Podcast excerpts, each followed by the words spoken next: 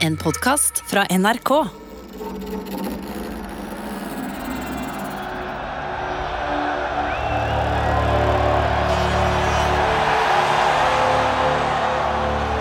Fotballaget Chelsea sin hjemmebane er Stamford Bridge i London. Der har nordmenn kjempa mang en kamp ikledd de kjente blå skjortene. Vi nevner i fleng Erland Johnsen, Frode Grodås og Tore André Flo. Men for snaut 1000 år siden, høsten 1066, da var det nerver i spillertunnelen på Stamford Bridge, da. Ikke fotballbanen i London, nei, men den brua Stamford Bridge er oppkalt etter, i Yorkshire, lenger nord. Da var det landskamp. Vikinger mot engelskmenn. Og vikinglaget var leda av en fenomenal fighter. Han var lagkaptein, trener, manager og eier i ett. Han hadde gjort det veldig bra på hjemmebane, og han hadde også hatt en imponerende karriere som proff i utlandet. Men nå sto nordmannen foran sitt livskamp. Og vet du, dette er artig. Han hadde på seg blå trøye, enda han definitivt tilhørte bortelaget.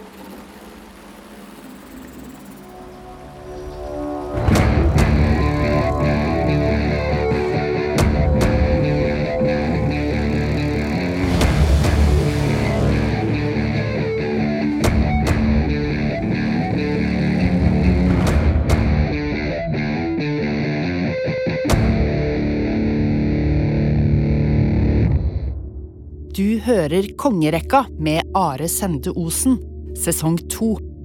En podkastserie om de norske kongene. Episode to Harald Hardråde. Kongen som brøyt alle spilleregler.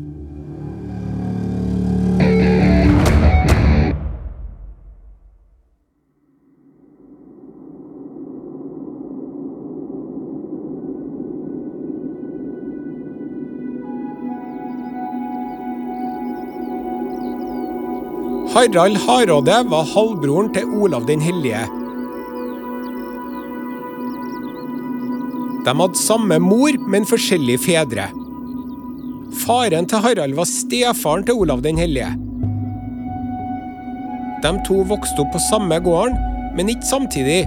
Olav var mye eldre og hadde flytta hjemmefra før lillebroren Harald ble født. Harald var vakker med et verdig utseende. Det ene øyenbrynet satt litt høyere enn det andre. Han hadde store hender og føtter, men sjøl om føttene og hendene var store, var de velskapt. Og du vet hva de sier om folk med store føtter? De har ofte veldig stor bart. Og det hadde Harald òg. En stor, flott, lys bart som matcha det lyse håret og det lyse skjegget. Og så var han høy. Det var jo nesten alle kongene. Men han Harald, han var høy. Han var over to meter høy, er noen som mener. Han var smartere enn de fleste. Han var god til å tenke utenfor boksen. Fant ofte på originale løsninger i kamp. Men han begynte som en taper. For han deltok i slaget på Stiklestad som 15-åring. Kjempa sammen med halvbroren sin. Og det gikk jo ikke bra. Olav den hellige ble jo som kjent drept. Harald ble såra, men kom seg unna og flykta gjennom skogen. Han for østover, stadig østover, helt til han kom til Gardariket, Russland. Der var jo den ti år yngre nevøen hans, lille Magnus den gode. Jeg liker å se for meg at det var en onkel Harald som fortalte Magnus at faren hans dessverre var død. Og kanskje de holdt omkring hverandre og gråt en skvett sammen. Hvem veit? Harald Hardråde var i Russland noen år og kriga for kongen der. Men Harald han hadde en uro i seg. Han ville opp og ut og bort. Østover, østover, østover. Ja, og så litt sørover, da. Sørøst. Så han for videre, og ga seg ikke før han kom til en by med mange navn. I dag heter den Istanbul. Før het den Konstantinopel. Før det igjen het den Bysants. Vikingene kalte den for Miklagard, og Mikla betyr stor, Gard betyr by, så Miklagard betyr den store byen. Og i Norden på den tida så mente de at Miklagard det var verdens største by. Altså, rett skal være rett. Det fantes byer som var mye større enn Miklagard. Bagdad f.eks. var jo mye, mye større. Og en by borte i Kina. Men Bagdad og Kaifeng i Kina de var så langt unna at for vikingene så stemte det her ganske bra. Miklagard var størst. Miklagard var byen med stor B. Og da Harald kom dit, til Miklagard, så måtte han jo ha seg en jobb. Så han for på Nav-kontoret i Miklagard, og der sa de Ja, hva er du god til, da? Ikke for å skryte, sa han Harald, men jeg er ganske god til å slåss og drepe og herje. Hvor bra, sa Nav-funksjonæren på Nav-kontoret i Miklagard. Vi har en stilling ledig som kanskje kunne ha vært noe for deg. Høytstående offiser i Væringgarden. Væringgarden, sa Harald, hva er det for noe? Jo, sa Nav-funksjonæren. Du vet at der du kommer fra, i Norge, der har kongen en hird, sant, som passer på seg. Harald nikka.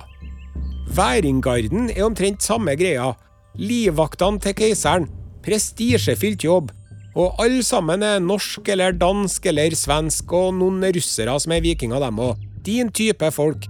Mye variasjon i arbeidet. Skal passe på keiseren og familien og apparatet hans her i Miklagard. Men det er også muligheter for utstrakt herjing, plyndring, røving og massakrering rundt i hele det bysantiske riket, sa Nav-funksjonæren. Og det var stort òg, det bysantiske eller østromerske riket. Sør-Italia, Serbia, Kroatia, Bulgaria, Hellas, Tyrkia, Kreta, Kypros og mye mer. Må være forberedt på en del reising og ikke redd for blod. Kort sagt livvakt og leiesoldat, sa Nav-funksjonæren. Og Harald Hardråde bare Hvor skal jeg skrive under? Og den jobben her, den passa som hånd i hanske for Harald Hardråde. For han var jo et naturtalent når det gjaldt slåssing og herjing og plyndring og raning og røving.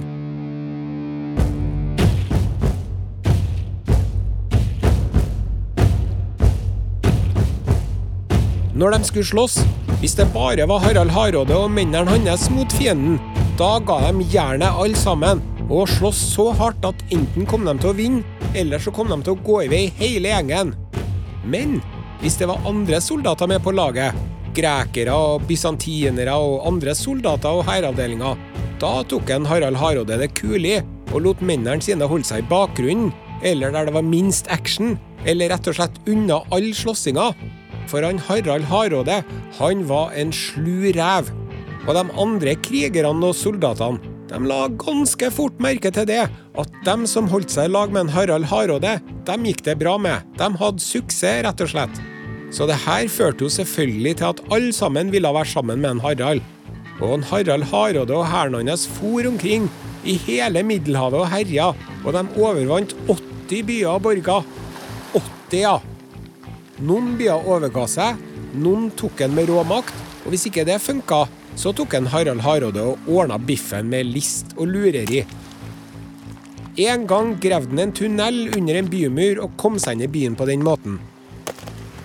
En annen gang fanga de små fugler som de festa glødende spon og små kvister til. Så småfuglene fløy inn i den beleira byen og tente på hele skiten, og dermed måtte byen overgi seg.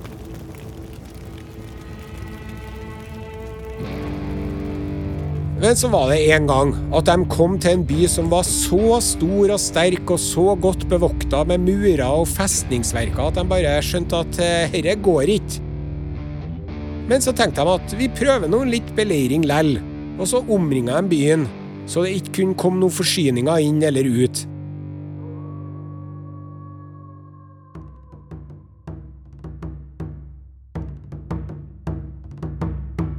Men da de hadde vært der ei lita stund, ble Harald Hardråde sjuk. Så sjuk at han ble sengeliggende. Så sjuk at han måtte sette teltet sitt unna de andre teltene, så at han skulle få fred og ro. Men det hjalp ikke. Harald Hardråde ble svakere og svakere, og sjukere og sjukere, og alle mennene hans ble skikkelig deppa og lei seg. Og herre fikk jo folkene inni den beleira byen greie på, for de hadde speidere og spioner som fulgte med. Og til slutt så ble Harald Hardråde så sjuk at han daua. Og væringene sendte bud inn til byen og spurte om han ikke kunne få bli gravlagt inni byen. Og da var det mange som ble ivrige. Alle klostrene og kirkene inne i byen de ville ta seg av begravelsen til denne stormannen fra Nordlandene. For de mente at den som fikk den jobben her, kom til å få store offergaver og gode greier for å ordne den jobben. Så de skyndte seg ut av byen. En lang prosesjon med munker og pynta prester i sin fineste skrud, og de bar skrin og helligdommer og relikvier. Og væringene kom med kister med døde Harald Hardråde i, og den var pynta med sateng og silke og faner og flagg, og så bar de kista inn mot byen.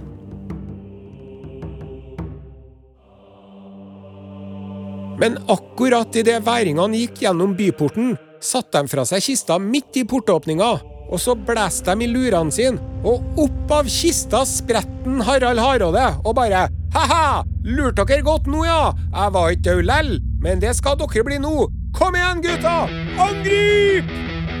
Og hele væringhæren kom springende i full væpning, med skrik og rop, og alle munkene og prestene som hadde konkurrert med hverandre om å komme først ut og ta imot kista, nå konkurrerte de dobbelt så mye om å komme seg unna de gale, blodtørstige krigerne, for Harald Hardråd og mennene hans slakta rett ned alle de kom over. Om det var munk eller prest eller vanlig person, hadde ikke noen ting å si. Og sånn for de omkring i hele byen og drepte alle folket og plyndra alle kirkene og tok en umåtelig mengde gods. Så du kan jo tenke deg sjøl at Harald Hardråde fikk ganske mye rikdommer og krigsbytte av alle disse plyndringa.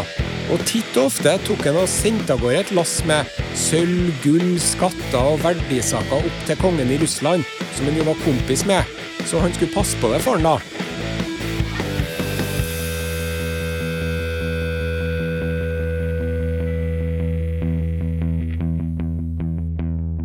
Sa at han var slu som en rev, han Harald.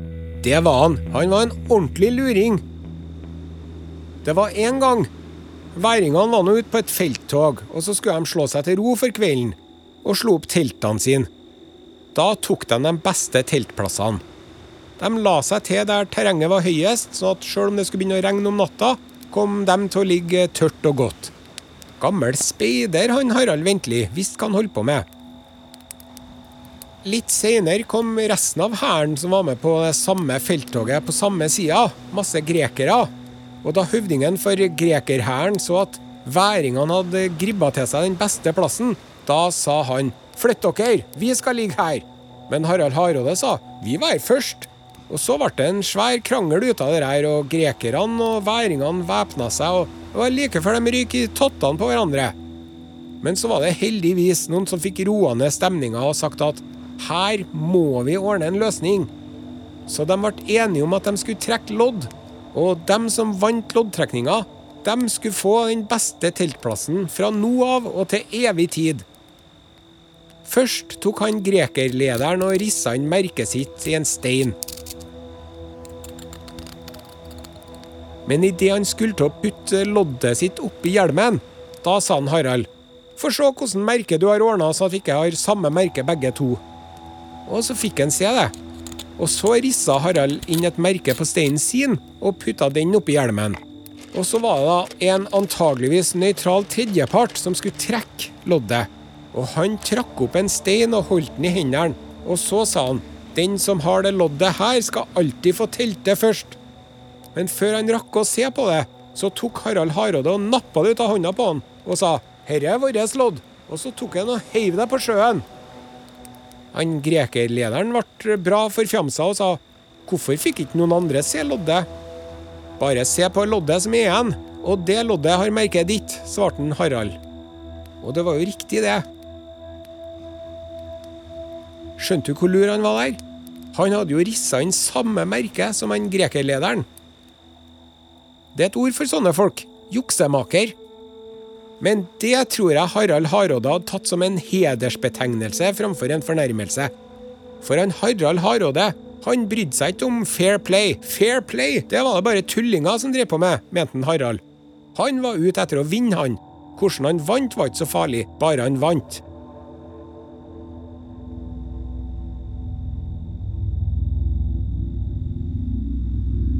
Til slutt ble det skjærings mellom Harald Hardråde og keiseren i Miklagard. Snorre forteller at en Harald havna i unåde fordi dronninga i Miklagard ville ha han til mann.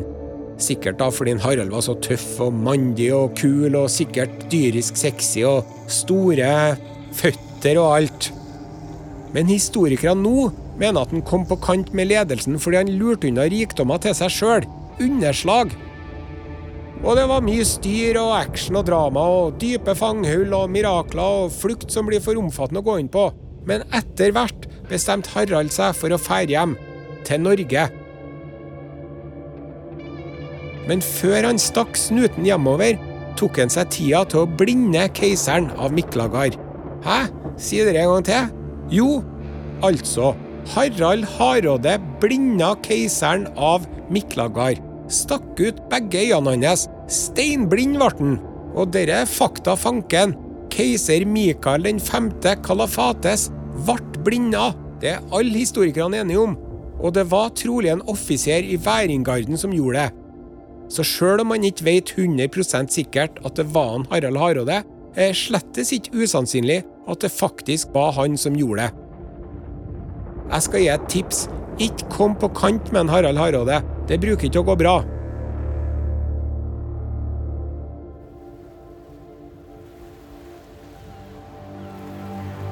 I 1045 kom Harald Hardråde tilbake til Norge etter 15 år som utenlandsproff. Da hadde han vært innom kongen av Russland og gifta seg med dattera hans, prinsesse Elisif. Men enda viktigere, han hadde henta med seg alt gullet og rikdommene han hadde rana og røva og lurt til seg mens han var i Væringgarden. Han Harald Hardråde han hadde så mye gull om bord at båten lå skeivt i sjøen. Aldri før hadde noen i Norden eid så mye gods og gull som en Harald Hardråde. De hadde aldri sett maken. Nå ville han bli konge i Norge. Men Norge hadde jo en konge allerede. Magnus den gode, som var nevøen til Harald Hardråde. Ei stund så det ut til at det skulle bli kamp mellom Harald og Magnus. Men så ordna de en avtale isteden. Harald Hardråde ga kong Magnus den gode halvparten av den enorme grekerskatten sin, og kong Magnus den gode ga Harald Hardråde halve Norge. De delte riket mellom seg, men ikke på langs eller tvers. Det var samkongedømme. De skulle ha riket sammen. De skulle ha det sammen, og de skulle være like gjev og mektig og staselig. Men han Magnus den gode fikk lurt inn en paragraf om at når de toene var sammen, da skulle Magnus være viktigst, siden han hadde vært konge først.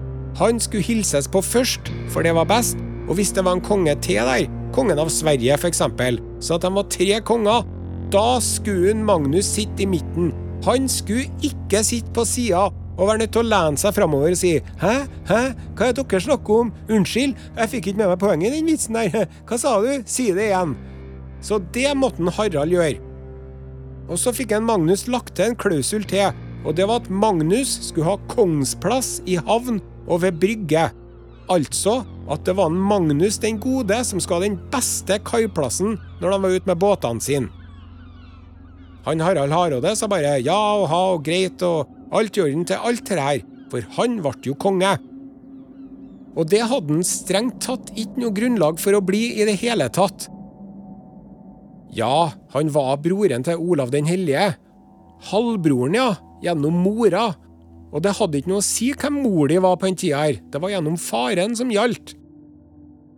Så det at en Harald Hardråde ble konge, det er enda et eksempel på at han var ikke så opptatt av å følge reglene, med mindre det passa han. Men samme det, nå var han konge.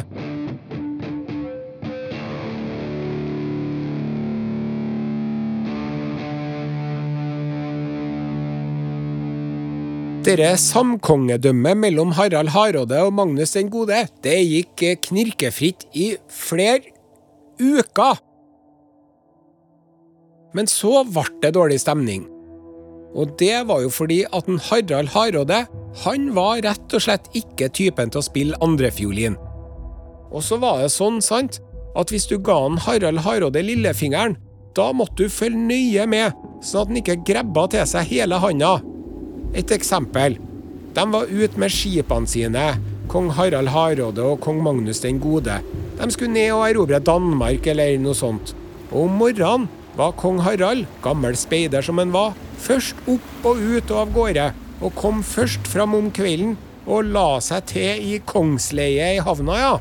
Enda han huska utmerka godt at en del av hele samkongedømmeavtalen mellom han og nevøen var at en kong Magnus alltid skulle ha kongeplassen når de var i havn. Men han kong Harald Hardråde han drev og pusha grensene hele tida for å se hva han kunne komme unna med, og ofte kom han jo unna med sånne streker som dere der. Men da kong Magnus kom og så at farbroren hadde tatt beste plassen, da sa han Ta fram våpnene, gutta, og hvis de ikke flytter seg ganske kjapt, da skal vi slåss. Og dere så han kong Harald Hardråde, selvfølgelig gjorde han det. Og så sa han kapp tauene og få skipene unna, for nå er en Magnus pist. Og så la han kong Magnus den gode til der han ville, og de festa seg fast og ordna med fortøyningene og den slags. Og så kom en kong Harald Hardråde om bord i båten, og da ble det en liten oppvask, rett og slett. For en Harald Hardråde mente at dette var barnslig oppførsel, men Magnus den gode sa at det er ikke barnslig i hele tatt, det her. Det var en del av avtalen, og jeg husker hva jeg ga deg, og jeg husker hva jeg ikke ga deg. Om den lille tingen her hadde gått mot min vilje, hadde det snart dukka opp noe annet. Jeg har tenkt å holde den avtalen som ble gjort, og det vil jeg at du skal gjøre òg. Men det var liksom ikke greit, det, da, for en Harald Hardråde, for han sa at ja ja, den klokeste gir seg, og så gikk han tilbake til skipet sitt.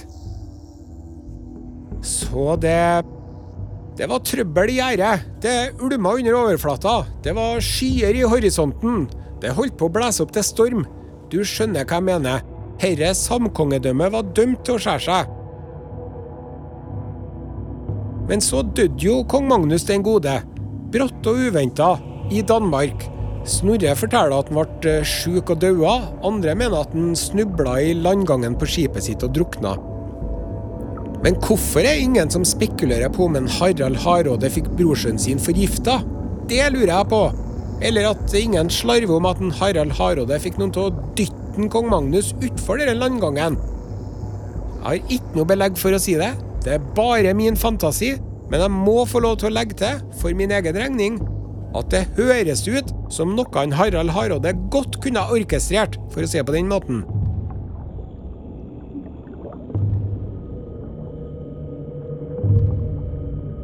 Så kong Magnus den gode døde, og det var jo trist.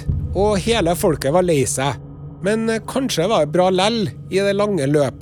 For Hvis han ikke hadde gjort det, hadde nå kong Harald Hardråde og kong Magnus den gode røkket i tottene på hverandre. Det er nå bra sikkert, og da hadde det blitt en blodig borgerkrig. Og det er jo artig og spennende for dem på toppen, men for vanlige folk er det kjempeslitsomt.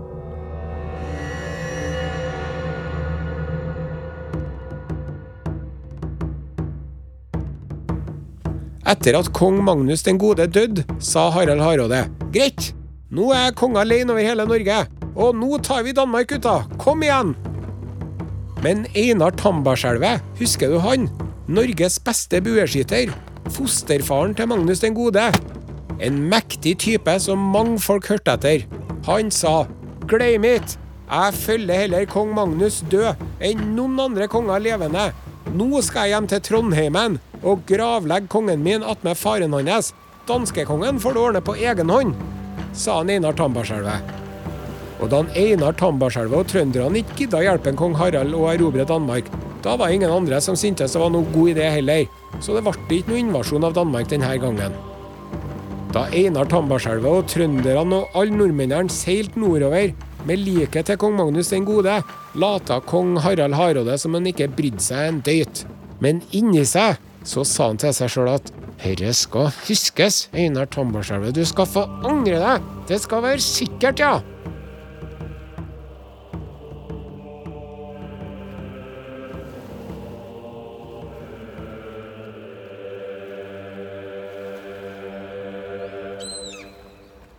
Så kong Harald Hardråde for hjem til Norge, han òg, og hadde en aldri så liten troningsturné og lot seg utrope til konge i hvert fylke i Norge. Nå var Harald Hardråde konge i Norge, alene, og det var bra deilig til han. Og for mange andre så hadde det vært mer enn godt nok, men ikke for Harald Hardråde. No sir. Norge var bare springbrettet.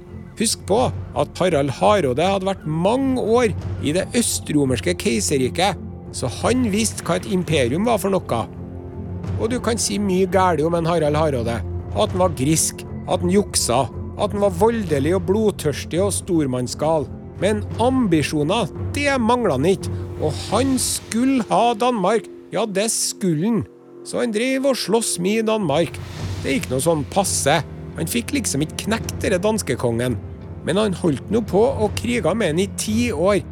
Ti år!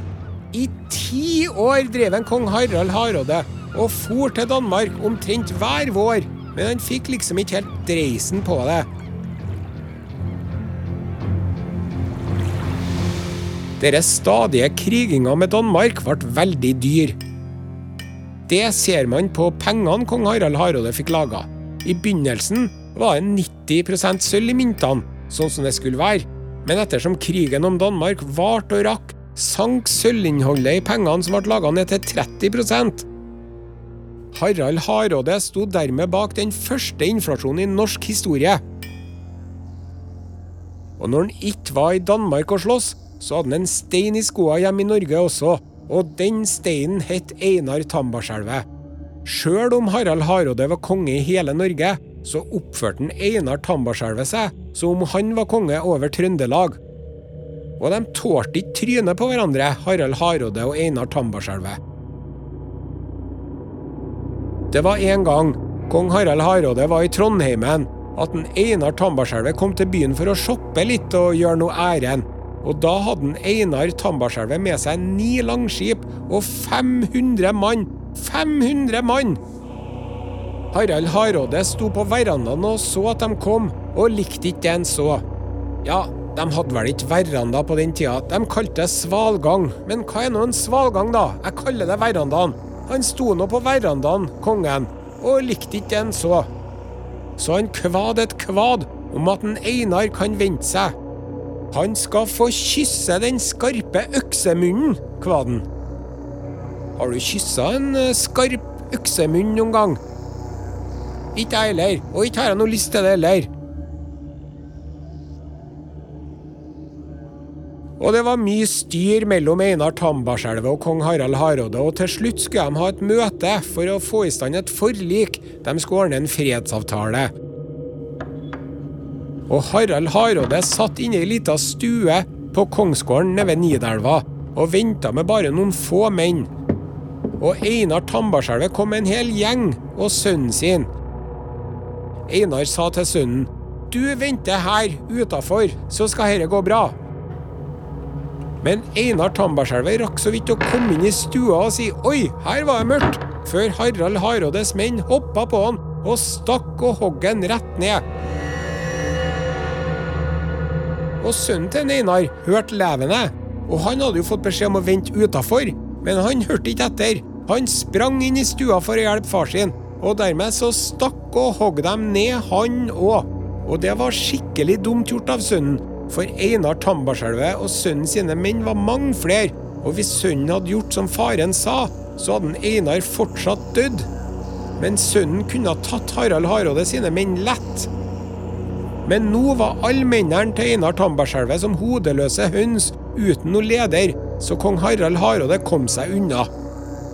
Altså, når man skulle møtes for å ordne forlik og fredsavtaler, da visste jo alle sammen det, at man skal ikke drive og hugge ned folk i bakhold, sånn som dere. Men nå vet jo du òg hvordan Harald Hardråde forholdt seg til regler. Han juksa igjen, og vant. Må bare få ta meg tida til å si takk for følget til Einar Tambarskjelvet. I nesten 50 år måtte alle som skulle styre Norge, forholde seg til Einar Tambarskjelvet, enten de ville eller ikke. Men nå var han drept på nedrig vis. Og kong Harald Hardråde ble utrolig upopulær av dere, da. Men ved hjelp av fiksing og triksing og brutte løfter og lovnader kom en Harald Hardråde seg gjennom den krisa òg.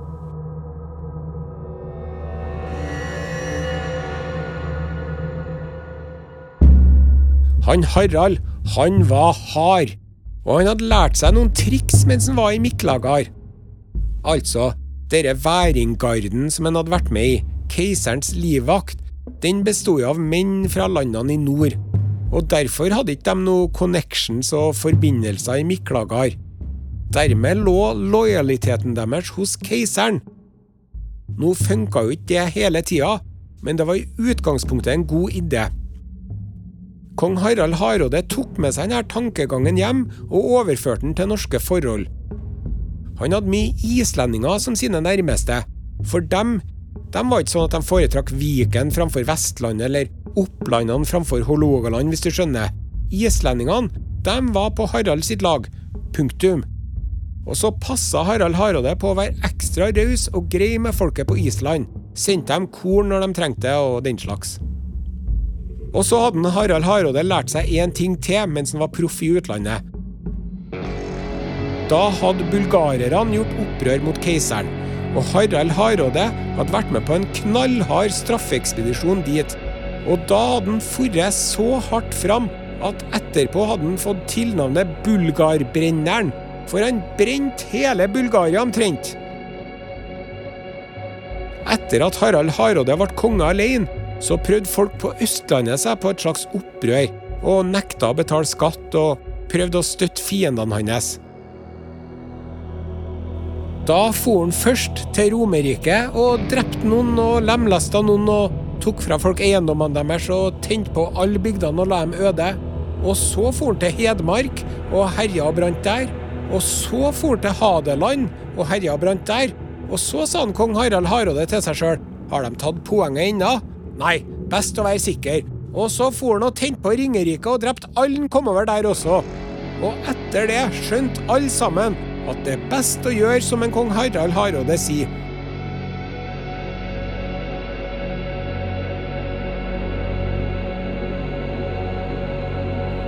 Kong Harald Hardråde styrte Norge alene med hard hånd i en 15-16 år, derav navnet Hardråde. Grunnla Oslo gjorde noe. Det er jo derfor tanta til Beate mater duene på Harald Hardrådes plass. Altså, Oslo fantes for så vidt fra før, men da Harald Hardråde bygde kongsgård og kirke der, forvandla han Oslo fra ei lita bygd til en by. Men så var det at kongen borte i England døde, og der var det noe muffens på gang. For den ene jarlen til den engelske kongen, han sa at kongen utnevnte meg til konge rett før han døde. Og de fleste i England sa hm, pussig, men ja vel. Så ble nå han konge i England. Han het Harald han òg, for enkelhets skyld, eller Harold, da. Harold Goodwinson. Men han Harold hadde en bror som syntes at herre var bra urettferdig. Han het Toste, Toste Godvinson. Og han Toste mente at han burde ha blitt konge i stedet. Så ble nå han jaga ut av landet. Og den besvikne og bitre broren for til Flandern og Frisland og Danmark. Og overalt hvor han kom, så sa han bli med og invadere England, da! Kom igjen! Det blir artig! Men verken greven av Flandern eller fyrsten av Frisland eller kongen av Danmark var noe interessert i det. Men da Toste kom til Norge, da traff han en kar som var med på alt som er gøy. Harald Hardråde. Han kunne godt tenke seg å invadere England.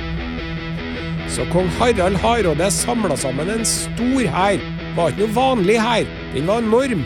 200 krigsskip, sier de, pluss proviantskip og noen småbåter. Og så pakka han med seg favorittbrynja si med, Emma. Og Emma, hun var så bra!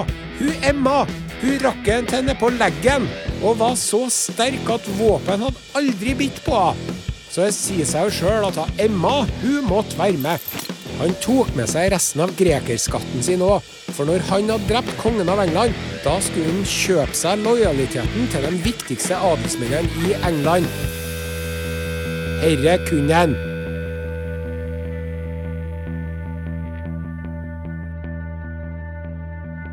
Før han dro, utnevnte han Harald Hardråde eldste sønnen sin, Magnus, til konge i Norge.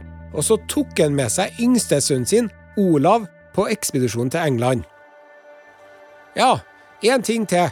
Det siste en Harald Hardråde gjorde før han dro av gårde, det var at han gikk til det skrinet hvor den hellige Olav lå. Og så klippte han neglene og håret hans, og så låste han det skrinet og kasta nøkkelen i Nidelva, der Nidelva var dypest. Da hadde det gått 35 år siden helgenkongen falt og ble helgen. Og spør du meg, kanskje like ikke var så forbanna velduftende lenger etter 35 år. Kanskje kinnene ikke så så rosenrøde og sunne ut. Kanskje det ikke var noe mye negler og hår og klipp lenger. Kanskje tida hadde innhenta Olavs hellige legeme. Men det er ikke godt å si, for ingen har åpna det skrinet siden.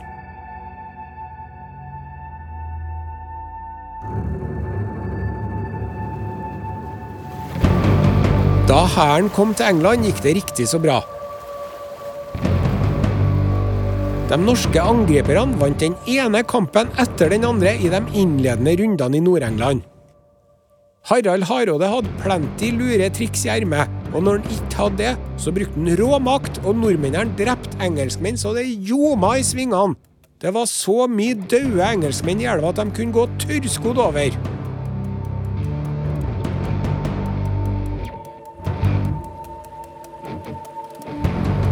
Søndag den 24. september 1066 kom de til Stamford Bridge.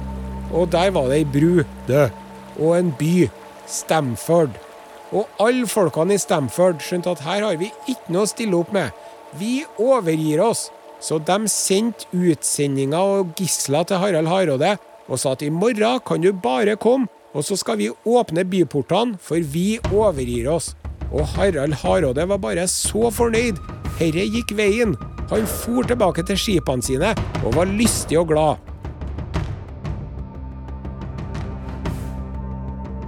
Men den kvelden kom den engelske kongen Harold med en svær hær til Stamford og ble tatt godt imot.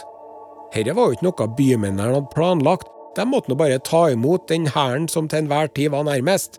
Men det her fikk ikke nordmennene med seg. De var nok litt uforsiktige og hadde tatt seieren på forskudd. Så, mandag 25.9.1066. Harald Hardråde sto opp og spiste duggur, eller lunsj, og det var topp stemning. Herre hadde han drømt om i mange år. Snart var han ikke bare konge over lille Norge lenger. Nå var hele England snart hans.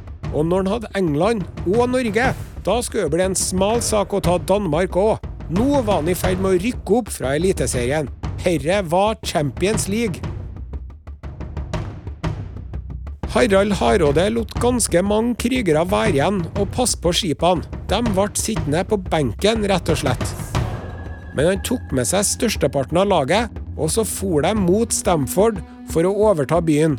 First we take Stamford Bridge, then we take Berlin. Og så var det så fenomenalt fint vær i tillegg, og sola skinte. Var varmt, ja. Så de gidda ikke ha på seg brynjene sine. Ble for tungt i varmen. Men de hadde med seg sverd og skjold og hjelm og spyd, og mange hadde pil og bue, og de var i så godt humør. Kong Harald Hardråde stilte i blå drakt. Men da de nærma seg Stamford Bridge, så de en stor hær komme mot seg. Og Harald Hardråde spurte broren til den engelske kongen, Toste, hvordan hær er dere? Og han svarte at det kan jo være fiender, det kan det, men det kan også være venner. Jeg er ikke sikker. Sannelig ikke godt å si, gitt. Harald Hardråde sa takk til deg. Vi får ta en stopp og prøve å finne ut av dette her. Den store hæren kom nærmere og nærmere, og ble bare større og større. Og det var skjold og hester, og det skinte i våpen overalt. Og hvite brynjer med. For det andre laget, de hadde tatt på seg full utrustning sjøl om det var varmt. Så sa Harald Hardråde at dere der, det er jo hele hæren til kongen av England, dere der. Herre er ikke bra. Og Toste, han sa vi drar tilbake til skipene så fort vi kan. Men Harald Hardråde mente at nei, vi får noen karer på raske hester til å hente de andre i stedet. Det er bedre. Og han Toste mente at det er sikkert lurt, ja, Harald. Og jeg har ikke lyst til å stikke av, jeg heller. Og så tok de og fylka hæren sin, som det heter. Dvs. Si at de stilte seg opp etter alle kunstens regler. Lagoppstilling. Sikkert noen som hadde 4-4-2. Og det var jo en svær og flott hær, ikke noe tvil om det. Og Harald Hardråde drev og rei omkring på en svær, svart hest og sjekka at alt var som det skulle være. Men plutselig snubla hesten, og å-å, kongen stupte framover. Men han var fort opp igjen og børsta av seg mens han flirte og sa he-he, fallet holder på ferden. Men lederen for den andre hæren, den engelske kongen, som var et stykke unna, han spurte den store mannen som falt av hesten der, med den blå drakta og den flotte hjelmen, hvem er det? Det er kongen av Norge, sa de. Ja, nå er du ute med lykka hans, sa den engelske kongen.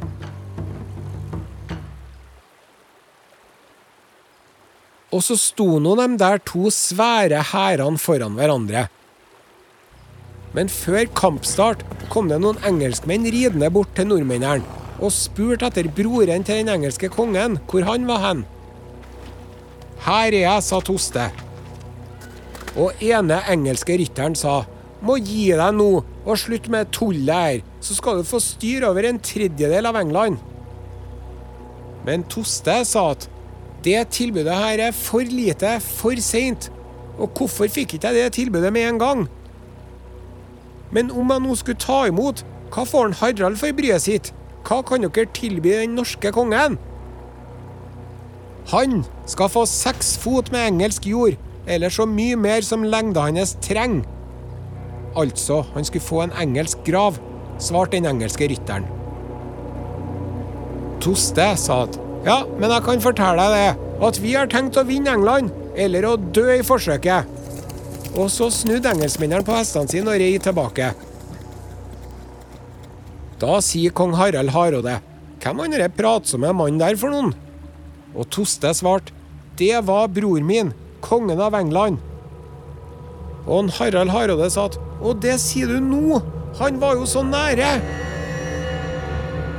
Altså, juksemakeren Harald Hardråde, hvis han hadde visst at det der var den engelske kongen, da hadde han jo avliva han tvert.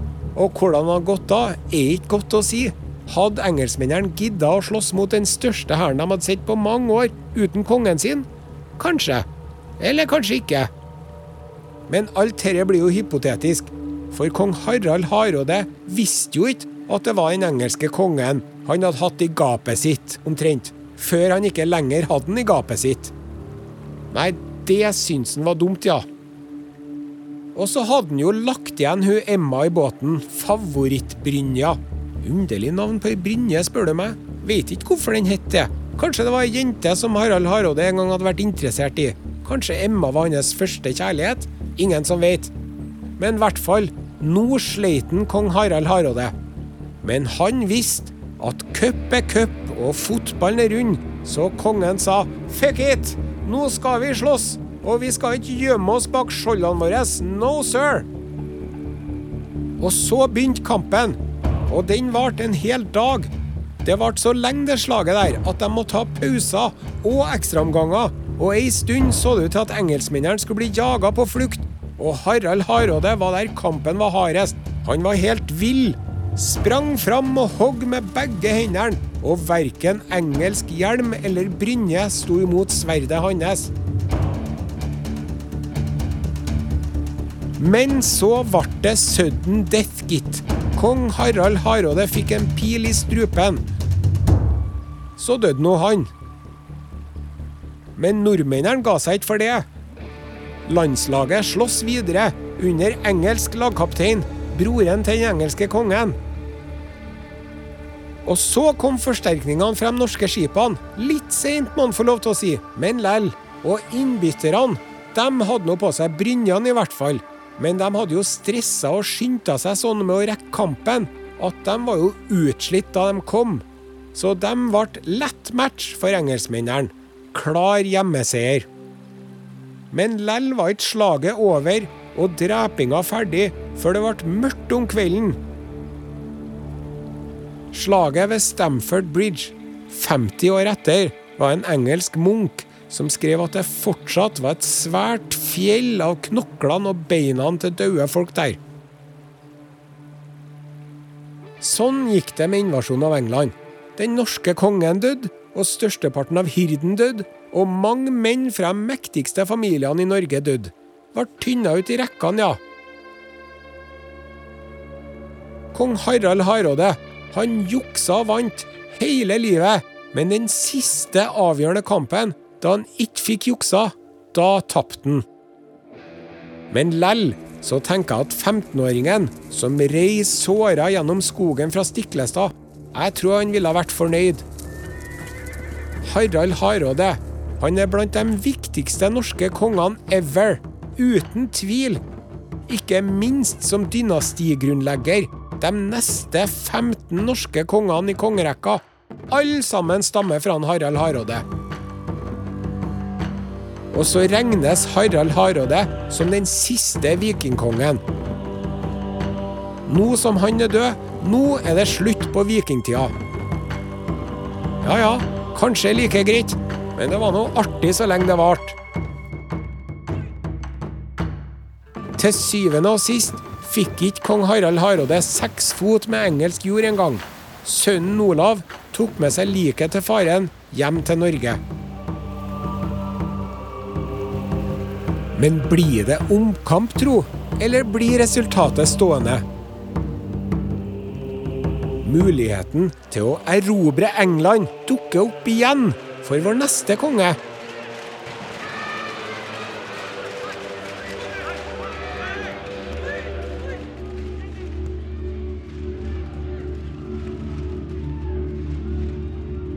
Du har hørt Kongerekka, laga av Are Sende Osen og Ragnhild Sleire Øyen. Historisk konsulent er Randi Bjørsol Verdal, og musikken er av Synkpoint. Neste episode handler om Olav Kyrre. Kongen som holdt fred og tok en øl.